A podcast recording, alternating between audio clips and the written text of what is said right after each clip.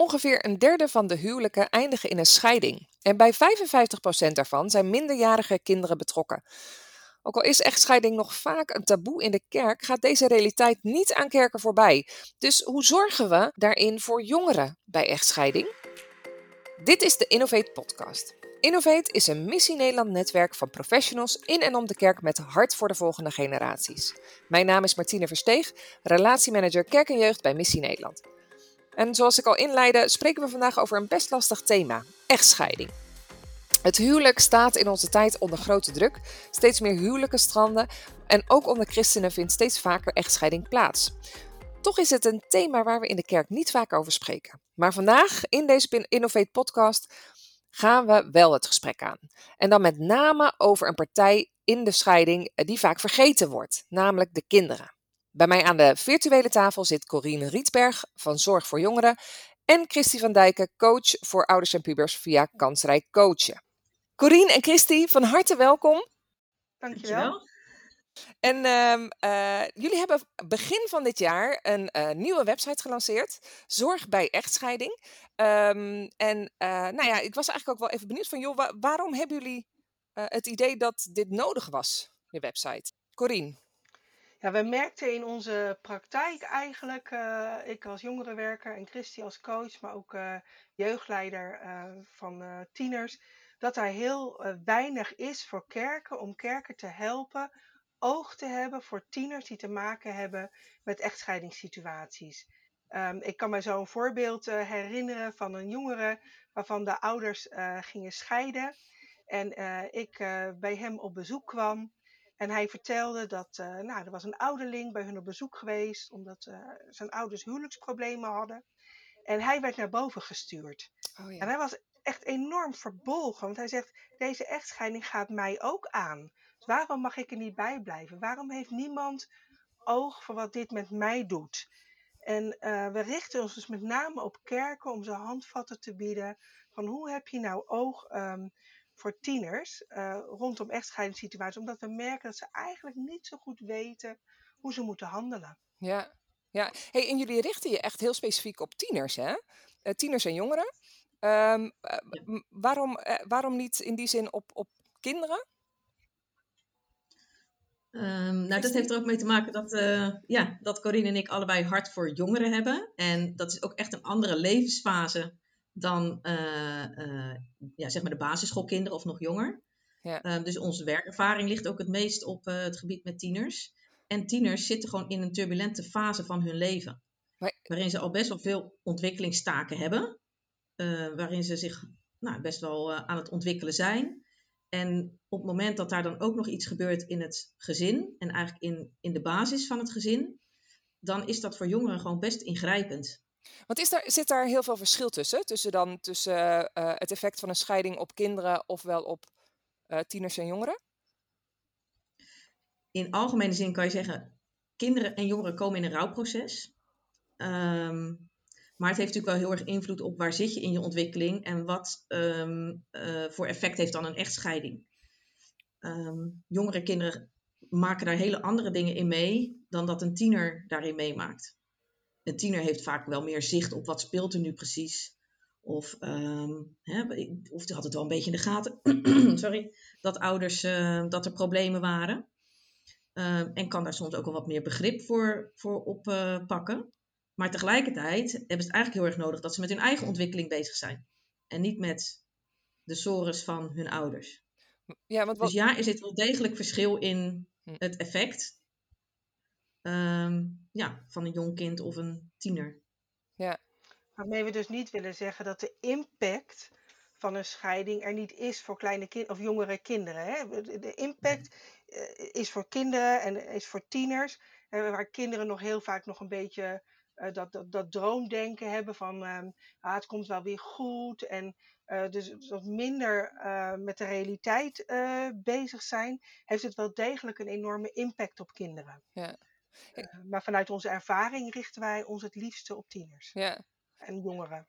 Maar ik kan me ook voorstellen, van, um, um, heeft het ook effect, zeg maar, de, de, de verschil van, van uh, de tiener en de jongere fase is natuurlijk ook een fase van onthechting of zo. Hè? Uh, van je wilt je onthechten van je, van je ouders. heeft dat ook, zeg maar, hoe, hoe speelt e-, echtscheiding daar dan in, in, in die fase?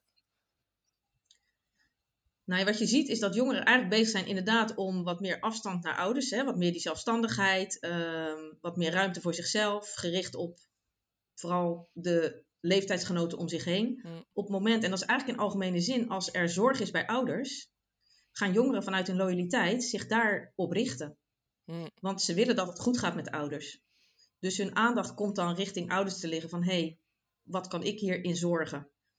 Hè, hoe, hoe, hoe kan ik hier uh, van betekenis zijn? Ja. En als dat inderdaad een grote vraag is, die, omdat er veel problemen zijn, ehm, dan betekent dat voor een jongere dat hij eigenlijk niet die ontwikkeling door kan maken van het onthechten. Want die gaat zich namelijk heel erg richten op de zorg die ouders hebben.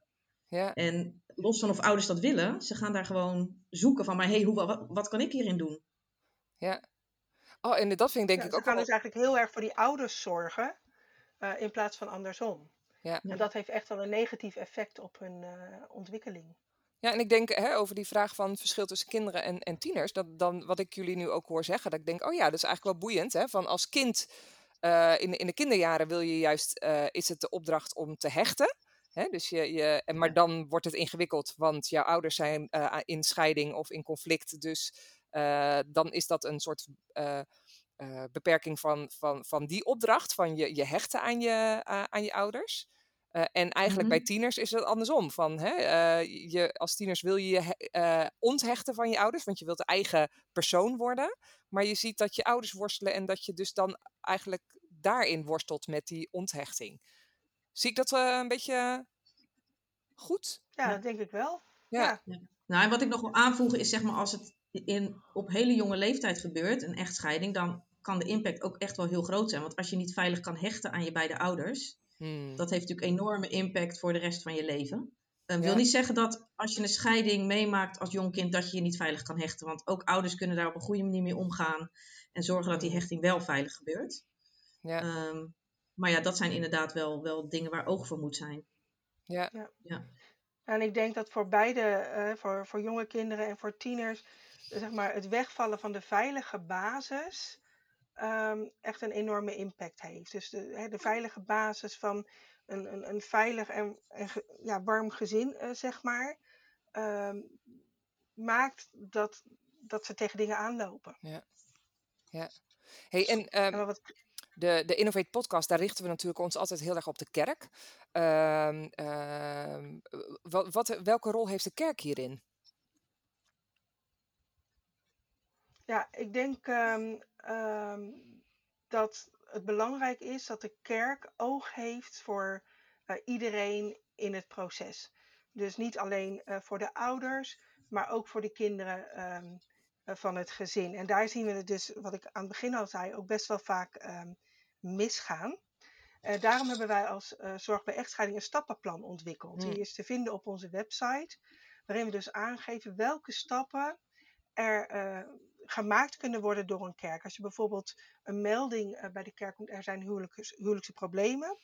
Hè, dat er uh, een ouderling of uh, pastoraal bezoekers op bezoek gaan bij de ouders. En daar met de ouders het gesprek aan gaan. En in dat gesprek vragen bijvoorbeeld, weten de kinderen ervan? Hm.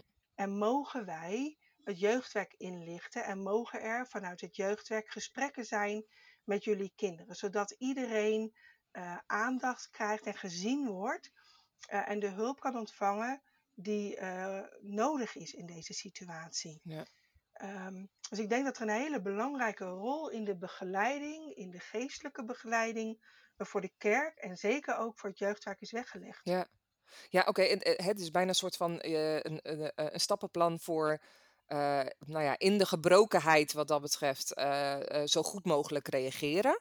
Um, uh, tegelijk, tegelijk vraag ik me in die zin af van wat, wat valt jullie op als je kijkt naar kerken rond deze situatie? Wat, wat zien jullie nu vaak gebeuren um, uh, daarin? Ja, um, ik hoor mooie dingen gebeuren waarin er aandacht is voor gezinnen en waarin er uh, de, mensen binnen de kerk ook echt proberen om dat contact te maken, de gesprekken te voeren. wat ik ook hoor is dat kerken soms ook wel wat handelingsverlegen zijn, omdat ze aan de ene kant hun theologie hebben van, hè, van ehm, hoe kijkt God naar echtscheiding. En, ehm, en dan op het moment dat daar een echtscheiding is, dan, moet je, dan hebben mensen het eigenlijk nodig dat er oordeelloos naar hun geluisterd en eh, begeleiding is. En dat vinden we soms gewoon moeilijk. Ja. Om dat oordeel dan los te laten, onze mening of onze visie op hoe God een huwelijk bedoeld heeft, Ja. en te dealen met de gebrokenheid die mensen ervaren en het niet nakomen van hun belofte om bij elkaar te blijven. Ja. Maar wat mensen nodig hebben, is dat we daarnaast staan zonder dat we daar een oordeel over hebben. Want dat is gewoon wat ons, onze werkelijkheid is. Dat we soms niet voldoen aan, of kunnen voldoen aan eh, onze beloftes. En, en dat dat heel pijnlijk is en dat we daar onder lijden. Ja. ja, maar dat vind ik wel een interessante. Hè? Van, ehm, ik denk namelijk wel dat het echt de opdracht is ook voor de kerk om echt goede theologie te hebben rond het huwelijk. Ja. Van, eh, Ja. ehm, ik, ik denk dat, dat we daarin de, de visie van de kerk op, eh, op echtscheiding, eh, nou ja, volgens mij zelfs niet eens in de kerk, maar ook daarbuiten, is dat, dat echtscheiding in die zin niet is eh, wat, je, wat, je, waar je, wat je hoopt of waar je, waarvan je zegt, hé, hey, dit is heilzaam of, of goed of zo. Hè? Dus de, de, maar en tegelijk dat ik ook wel benieuwd ben van ehm, zo'n goede theologie ontwikkelen is volgens mij wel essentieel. Ehm, om dat al te hebben. En wat ik jou hoor zeggen is van je moet dus eigenlijk wel goede theologie hebben, maar daarna ook de mogelijkheid hebben om dat dan weer los te laten. Ja, of Nou, niet het gaat loslaten, maar de zorg om het, om, om het mens. Hè, dus, dus je kan eh, een hele goede visie hebben op, op huwelijk ehm, maar, en op scheiding. Maar het gaat voor de zorg om de mensen die ermee te maken hebben. Mm, Dus dat zegt niet dat je theologie los moet laten. Maar wel dat je oog hebt voor ehm, de turbulentie en het leed waar die personen doorheen gaan. En dan kun je ernaast Ja. gaan staan. ja, Kijk, en ik denk dat het mooi is als je vanuit die theologie dat God het huwelijk zo belangrijk vindt, zet in op preventie. Zet in op gezonde huwelijken als kerk. Investeer in, in cursussen, in trainingen, in open gesprekken. Daarmee kun je al heel veel bijdragen aan dat huwelijken gezond blijven. Maar als we er tegenaan lopen dat mensen het niet redden met elkaar, dan moeten we daar niet met een oordeel naast staan. Want dat is gewoon niet wat er nodig is. nee, Er is nodig dat het leven zo, soms zo loopt. ja, En dat we daar gewoon zonder oordeel bij kunnen zijn. Want op het moment dat we een oordeel hebben, kunnen we ook niet in gesprek met kinderen of jongeren. Want die voelen dat. Nee. Die gaan niet hun verhaal doen op het moment dat wij iets vinden van papa of mama. Ze hebben het nodig dat we zeggen, maar hé, hey, hoe is dit voor jou? Ja. En wat doet het met jou? En wat heb, wat heb jij nodig in deze situatie? Ja, ik kan me herinneren dat er een jeugdleider eh, bij mij kwam die een gesprek had met een tiener eh, waarvan de ouders eh, gingen scheiden. En hij liep heel erg vast eh, in zijn oordeel. En, en ehm, want hij zegt ja, en daar moet ik dan wat van vinden. En toen zei ik tegen hem van joh, je hoeft er niks van te vinden. Jij mag er voor die tiener zijn. Jij mag luisteren naar waar zijn pijn zit en vragen van wat heb jij nodig? mm, En ik zag als het ware een soort last van hem afvallen. Zo van, oh, dus ik hoef niet te zeggen wat de Bijbel zegt over scheiden, maar ik mag gewoon ehm, een toffe gast zijn voor die tiener. mm. En dat was echt voor hem helpend om te zeggen, joh, je hoeft er niks van te vinden. Ja. Je mag er zijn. Ja, mooi. En in die zin ook gewoon de, de, de kwetsbaar. Want het is natuurlijk, eh, eh, zowel de jongeren als de ouders zullen, eh, niemand van hen hebben he- zoiets van, hey, dit is de situatie wat we voor ogen hadden. of wat we, wat we wensen. Ehm, eh, en, en die kwetsbaarheid eigenlijk blootleggen. Dat is wel super mooi. Hey, maar ik was in die zin ook wel benieuwd. benieuwd. Jullie noemen ook wel iets over preventie. In hoeverre eh, je kan preventie aan insteken vanuit de kant van hey, eh, huwelijken ehm, eh, ver- verstevigen, versterken. Er zijn ook prachtige middelen en materialen. Ik, wij maken er ook een overzicht van ehm, eh, op de website naar aanleiding van deze podcast. Ehm, eh, maar ik was wel in die zin benieuwd dat dat benadrukt zeg maar, over het, goede van, van het huwelijk, zeg maar. In, in hoeverre moet Mhm. je in de kerk ook over echtscheiding hebben, ook binnen, binnen jeugdwerk? In, in preventieve fase, hè? dus niet in die pastorale eh, gesprekken, maar preventief. Ik, hoe, hoe kijken jullie daarnaar? Ja, ik denk dat elke jongere in zijn omgeving ehm, vrienden, vriendinnen heeft die te maken krijgen met echtscheiding. Dus het is onderdeel van ons, ons leven, zeg maar. Ja, Of we er nou zelf als persoon mee te maken hebben of dat vrienden of vriendinnen van ons ermee te maken hebben. Ja, nou, ik Ehm, kan, dus in ik die kan, zin is het. ik kan daar ook wel inderdaad een heel mooie illustratie bij geven. Want ik, eh, eh, eh, ik herinner me zeg maar nog een aantal jaren geleden dat in mijn... eh, eh, in de klas van mijn eh, oudste eh, zoon eh, waren er, was er sprake van twee klasgenoten die, eh, waarvan hun, ou- haar, hun ouders zeg maar, gingen scheiden. Eh, en dat ik nog, ook nog heel goed weet dat dat speelde en dat dat gedeeld werd in de klas. En dat vervolgens mijn zoon soort van tussen neus en lippen door zei van... joh, en wanneer gaan jullie scheiden? En dat ging echt bij mij een soort van door merg en been. Omdat ik aan de ene kant dacht, ja, weet je... eh, nou, totaal eh, geen haar op mijn hoofd die daaraan moet denken. En tegelijk weet ik ook wel dat de, de weerbarstigheid van... dat dat waarschijnlijk ook die ouders die in scheiding liggen... dat ook dachten. Eh, voor geen haar op mijn hoofd eh, die daaraan denkt, weet je wel. Dus dat, Ja. daarin ook wel in een cultuur zitten waarin kinderen dat misschien ja, ook wel eh, gedwongen worden om daarover na te denken. Ja, ja dat, dat, dat merk je ook, hè? Dat, dat, dat eigenlijk in elke tienergroep er wel een tiener is die in zijn omgeving, of misschien zelfs wel meer tieners, scheiding meemaken. En daarom denk ik ook wel goed om het te bespreken met elkaar. Om ehm, eh, nou, te vertellen eh, wat een scheiding is, wat het doet ehm, met eh, je leeftijdsgenoten. En daar hebben we als Zorg bij Echtscheiding ook een clubprogramma voor ontwikkeld. Om het bespreekbaar te maken tijdens een clubavond of catecheseavond. Dat we denken dat het wel belangrijk is dat tieners ook in een hele ontspannen setting met elkaar erover in gesprek kunnen gaan. Maar ook bijvoorbeeld kunnen zeggen van hé, hey, maar ehm, ik ben daar wel bang voor. Eh, stel dat mijn ouders gaan scheiden. Mm. Uh, dus dat, dat je ruimte creëert om daarover te praten met elkaar. Oh, kunnen jullie een klein voorproefje geven van hoe ziet zo'n avond er dan uit? Wat doen jeugdwerkers dan? Oh, Christy? Uh, ja, even denken hoor, wat er in het programma zit. Nou, er zit natuurlijk een, uh, een ijsbreker om binnen te komen. En dat gaat dan over... Uh, um, we hebben allemaal dingen die... we hebben allemaal met dezelfde situaties te maken uiteindelijk. En dat gaan we gewoon in beeld brengen. Van, uh, noem een situatie waar jij mee te maken hebt. En dan stapt een ander naar voren die daar ook mee te maken heeft bijvoorbeeld. En daarmee laten we zien, je bent niet alleen. Hmm.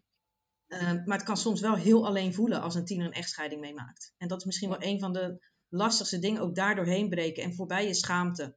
Um, gewoon, weet je, we hebben allemaal onze moeilijke dingen. Dus dat, dat is dan de, de ijsbreker om ook die sfeer neer te zetten van... hé, hey, um, je bent niet alleen. Hmm. Um, en we gaan een stukje verdieping in. Een, ja? en we hebben een labyrint erin zitten, uh, wat je maakt op de grond. Uh, waar je dus, uh, een tiener moet daar met een blinddoek doorheen lopen. Nou, dat gaat helemaal niet goed. Maar als je dat samen met iemand anders doet, die wel kan kijken, dan lukt het wel. dus er zitten wat speelse werkvormen in. Ja. Maar ook um, nou, een bijbelse verdieping, serieus. Um, ja, heel mooi. Hoe Jezus eigenlijk in het gesprek met uh, de schriftgeleerden, waarin er heel veel oordeel is over echtscheiding, waarin Jezus vervolgens de kinderen uitnodigt om bij hem te komen. Mm. En ik weet niet of het chronologisch zo gebeurd is, maar het staat wel in die volgorde in de Bijbel. En dat heeft mijn hart getroffen. Dat ik denk van ja, maar dat is wat Jezus doet. Oh, ja. Hij ziet het kwetsbare, hij ziet het kleine. En hij zegt, kom maar bij mij en ik zegen jou. En dat Ja. willen we ook jeugdleiders bemoedigen. Spreek het goede uit over je tieners. Daar eindigt de avond ook mee. Ehm, zegen elkaar met goede woorden. Benoem wat je ziet aan mooi in de ander. Ja. Ehm, ja, en dat is gewoon zo, dat is zoiets moois wat we in handen hebben, hè, wat we mogen doen. ja. Oh, prachtig. Dus ja, nou. mooi. Voor het proefje van de avond. Ja, leuk. Hey, en um, want in, in dat opzicht, hè, van, van je, je noemt al een soort van, van stappenplan. Uh, ik vond het eigenlijk heel erg mooi, hè, want wat Corine, wat jij zei van, uh, uh, ik probeer even een soort van me, me uh, in, een, in een lokale kerk uh, te verplaatsen. Ik, ik, denk inderdaad dat de meeste problemen komen binnen vanuit pastoraat. Hè? Dus de pastorale team die dan in gesprek komt. Uh, ergens hoop ik inderdaad voor dat stukje preventief dat dat, dat hè, al... al want dat vind ik denk ik ook altijd het lastige. Hè? Als het gaat over huwelijksproblemen, dat vaak worden ze pas zichtbaar op het moment dat het eigenlijk al veel te ver is. En dat er eigenlijk bijna geen um, herstel meer mogelijk is. Um, maar, maar stel, um, zou, zou, je nog even een keertje zo'n soort van die stappen, hè? Van, van, van wat zijn dan nou de stappen die er dan uh, gedaan moeten worden? Ik, ik ben een pastoraal werker en ik, uh, ik heb gesprekken gehad en ik merk, oh, dit gaat niet goed. Dit gaat richting een, een, een scheiding. Wat, wat, wat zijn dan de stappen met name met dat oog op die tiener of die jongere. Ja, ik, en wat ik straks al zei, hè, je, je, je gaat in gesprek met die ouders en dan benoem je eh, de kinderen. We- Weten de kinderen ervan? En mogen we als jeugdwerk in gesprek met jouw tieners? Ja. En eh, het is heel belangrijk om als ouders die toestemming te geven, dat de tieners daar ook van afweten. Dat geeft de tieners vrijheid om te praten eh, met iemand eh, buiten hun ouders. Eh, dus als je als tiener weet van, hé, hey, maar mijn ouders hebben hier toestemming voor gegeven, ehm, dan praat dat heel veel makkelijker eh, voor de tieners. En dan de volgende stap is dus dat je het jeugdwerk gaat inlichten. Een jeugdouderling, een jeugdraad, een jeugdcommissie, ehm, die daar in jouw kerk de aangewezen eh, plek voor is. Daar ga je vertellen van, hé, hey, ehm, dit speelt in dit gezin en deze kinderen, deze tieners zijn daarbij betrokken. En dan wordt er gekeken van wie heeft nou dat lijntje met die tieners. Als je relationeel jeugdwerk eh, hebt, dan is het over het algemeen de jeugdleider, de aangewezen persoon, die echt contact heeft met die tiener. En dan licht je die jeugdleider in. En die jeugdleider die gaat dan eh, in gesprek met die jongeren. Nou, dan kan het eh, zo zijn hè, dat, dat die twee gewoon een fantastisch eh, gesprek hebben met elkaar. En dat die jeugdleider die tiener kan blijven begeleiden in dit proces. Ja. Ehm, waarbij de jeugdleider misschien ook wel ehm, een gesprek heeft met het pastorale team om daar input te krijgen om het gesprek goed te kunnen voeren. Hè? Maar het kan ook zijn dat eh, het met die tiener gewoon niet goed gaat en dat er meer zorg nodig is voor die tiener. En dan moet er samen eh, met die tiener, hè, dus toestemming vragen aan die tiener, van mogen we kijken of we de kring om jou heen groter kunnen maken. Wie kunnen we erbij betrekken die jou kan helpen? Ja. Ehm, en dan kan er weer teruggeschakeld worden, bijvoorbeeld naar een pastoraal team. Of misschien soms wel naar de hulpverlening. Ja, hey, want ehm, dat vind ik wel een interessante vraag. Hè? Want als je nou als jeugdleider of jeugdwerker dus in zo'n gesprek bent, wanneer, wanneer ehm, ik weet dat jullie hier een artikel van over hebben, eh, ook op jullie website, hè, van wanneer gaat het nou echt niet goed met de tiener en wat zijn dan de signalen waar je in ieder geval scherp op moet zijn als jeugdwerker of jeugdleider? Ja, ik denk, ehm werd ook net even gezegd door Corine, van als je een gesprek met een tiener, ehm, sommige tieners hebben in eerste instantie misschien helemaal geen behoefte aan gesprek. Ook daar moeten we als jeugdleider niet ons te, groot, een te grote rol toebedelen. Ehm, het gaat erom vanuit die relatie laten merken, hé, hey, ik ben er voor je. En dat kan inderdaad voor de ene tiener een goed gesprek zijn. Voor de andere tiener kan het een, eh, een, eh, een appje zijn van, hé, hey, ik ben er. Laat, hè, ehm, als je wel wil praten, je kan me altijd bereiken. Uh, voor een andere tiener kan het zijn dat je even langs gaat en iets lekkers brengt. Um, als je, wanneer je zorgen moet gaan maken, denk ik, is op het moment dat je merkt van er is echt geen contact mogelijk. Deze jongere sluit zich af. Um, nou, we geven daar wat stappen voor. Dan kan je bijvoorbeeld even kijken van, hey, met wie had deze jongere eerder contact? Had hij vrienden op de jeugd? Dat je daar eens even checkt van, joh, hebben jullie nog contact? Dat je een beetje in beeld gaat brengen, waar zit deze jongere? Um, het kan ook zijn dat de jongen zegt van ja, het doet me niks. Nee, nee nou ja, ze moeten mijn ouders maar weten. Um, nou, dan kun je je ook afvragen van hey, heeft, kan deze jongen wel uiten waar die, uh, waar die zit? Um, en dan kun je bijvoorbeeld vragen gaan, stellen hoe het verder met hem gaat. Van hey, en hoe lukt het op school? En um, zit je nog op de sport? spreek je je bij de ouders nog? Dus je gaat eigenlijk een beetje verkennen om het kind heen van wat is er nu eigenlijk veranderd in de levenssituatie. En nou, hoor ik of die daar zich in redt, of merk ik dat hij zich echt helemaal afsluit. Als je merkt dat de jongere echt zich helemaal afsluit, eigenlijk geen gesprek meer heeft, zich helemaal terugtrekt. Um, ja, dat zijn wel signalen dat je je zorgen kan maken. Of een jongere het wel redt op dat moment. En ga, en waar ga je, je dat... dan met die signalen heen? Ga je daarmee naar de ouders? Je, of... Ja, in overleg met de jongeren. Van joh, ik, ik krijg echt het idee dat het niet zo goed met je gaat. Mag ik hier eens met je ouders over praten? Um, ja. Of is er iemand anders die een keer met jou een gesprek kan voeren? Hè, dus altijd wel in afstemming met de jongeren. Ja. Um, ja, maar dat zijn wel signalen. Als jongeren zich echt afsluiten. Um, nou, je kan ook bijvoorbeeld naar schoolprestaties vragen. Hè? Hoe gaat het op school? Wat voor, wat, wat, wat voor cijfers haal je? Uh, nou, dat zijn, op de website staan nog veel meer vragen, maar dat zijn wat van Ja. die verkennende vragen waarin je een beetje een beeld kan, kan krijgen van hé, hey, um, hoe gaat het nu eigenlijk echt? Ja. dat is mooi. En soms kan het ook een, eh, een onderbuikgevoel zijn. Hè, dat je dus niet precies signalen ehm, kunt detecteren, maar eh, dat je echt, ja, ik heb het gevoel, en mijn onderbuik zegt dat het niet goed gaat met die jongeren. En dan is het gewoon goed om dat ook eh, te benoemen naar de jongeren toe. Ja. En eh, echt door te vragen op hoe het nou met hem gaat. Mm. Ja, dus ik hoor eigenlijk ook heel veel van jullie gewoon het, het, het echt openleggen. Het, ehm, eh, heel veel van, dat, dat is denk ik ook wel, hè, heel veel aan het licht brengen eh, klinkt het bijna. Dus eh, heel veel van de problematieken die ontstaan zijn vaak heel erg verborgen van de wereld. En ik zie jullie eigenlijk constant zeggen van nee, bespreek het met de jongeren als je bepaalde stappen wil doen. Of als je ehm, eh, denkt van hé, hey, hier moeten stappen, dat je dat altijd in, in, in, het licht open en doet ten, tegenover het kind, tegenover tiener. Is denk Ja. Wat ik Ja. met je hoor. En we moeten ook ons niet te snel zorgen gaan maken. Rouw, het is eigenlijk een rouwproces waar een jongere in komt. Hm. Eh, nou, daar horen ook bepaalde fases bij. Er zal e- eerst misschien een stuk ontkenning zitten.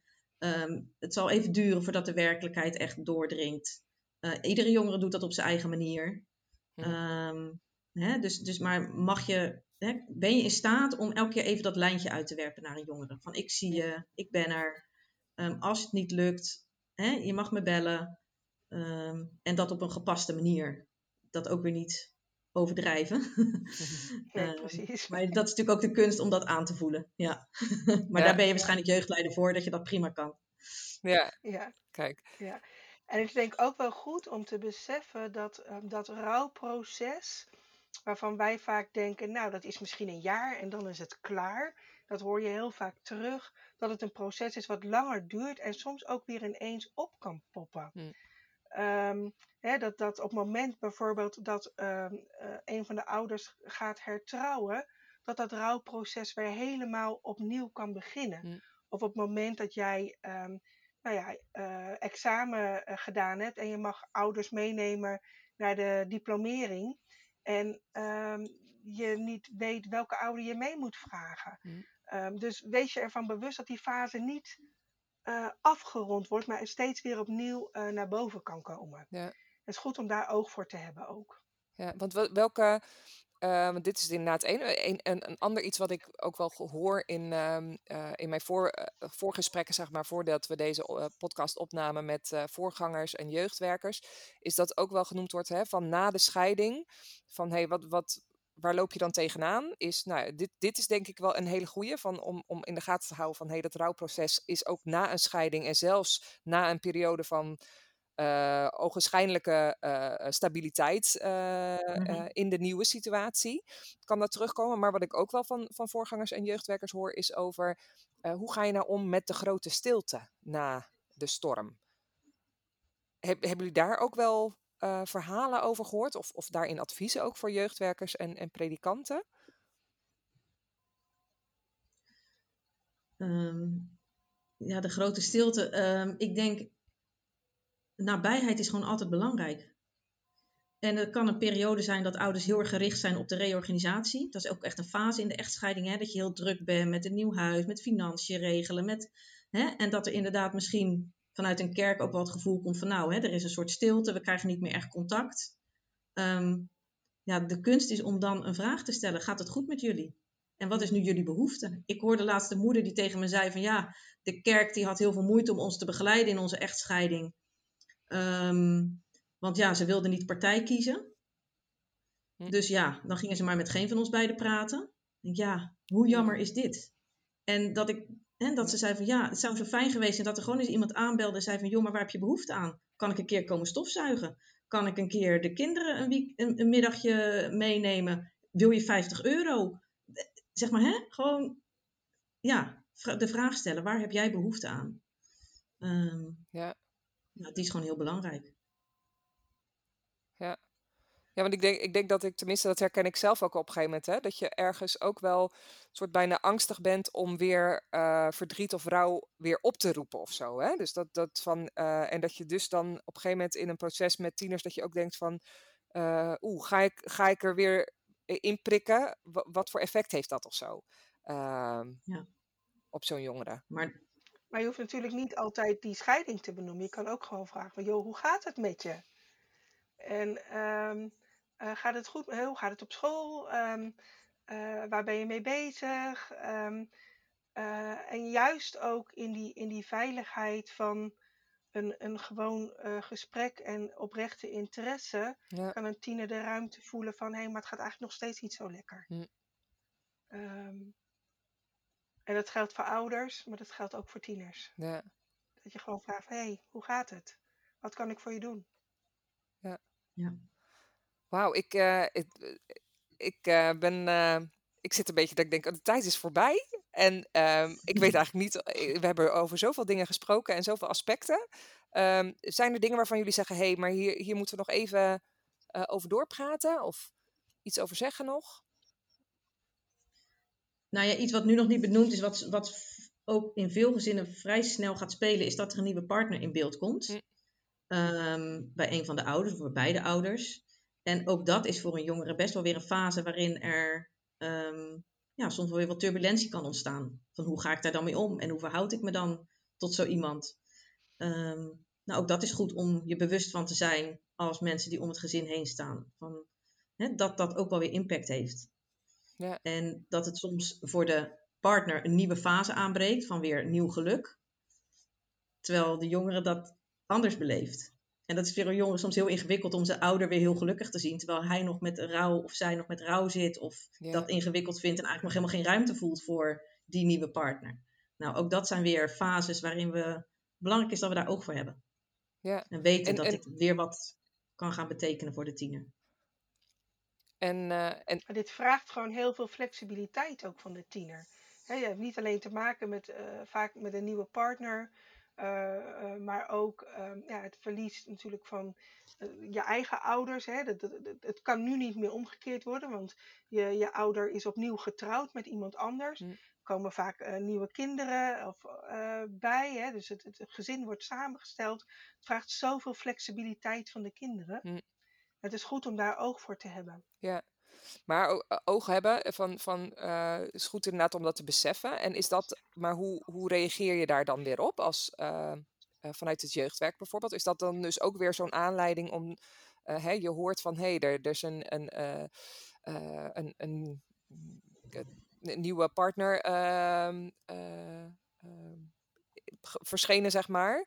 En om dan weer het gesprek aan te gaan met de jongeren van hé, hey, ehm, hoe, hoe ervaar jij dat? Of Ja, ik denk, ja, heb een open, nieuwsgierige houding. ja, En nieuwsgierig in die zin van, ik wil graag weten hoe het met je gaat. ja, Ehm, en dat mag je me vertellen. En als je dat niet wil, hoef je het niet te vertellen. Ja. Maar ik kan me voorstellen dat wat voor jou betekent. Ehm, hoe is dat? Of hoe, hoe ziet het er überhaupt uit? Ben je nou de weekend dan niet, niet meer alleen met je vader? Is die nieuwe partner er altijd? Gewoon, zeg maar, verkennend vragen. Wat, wat betekent dit voor jou? Ja.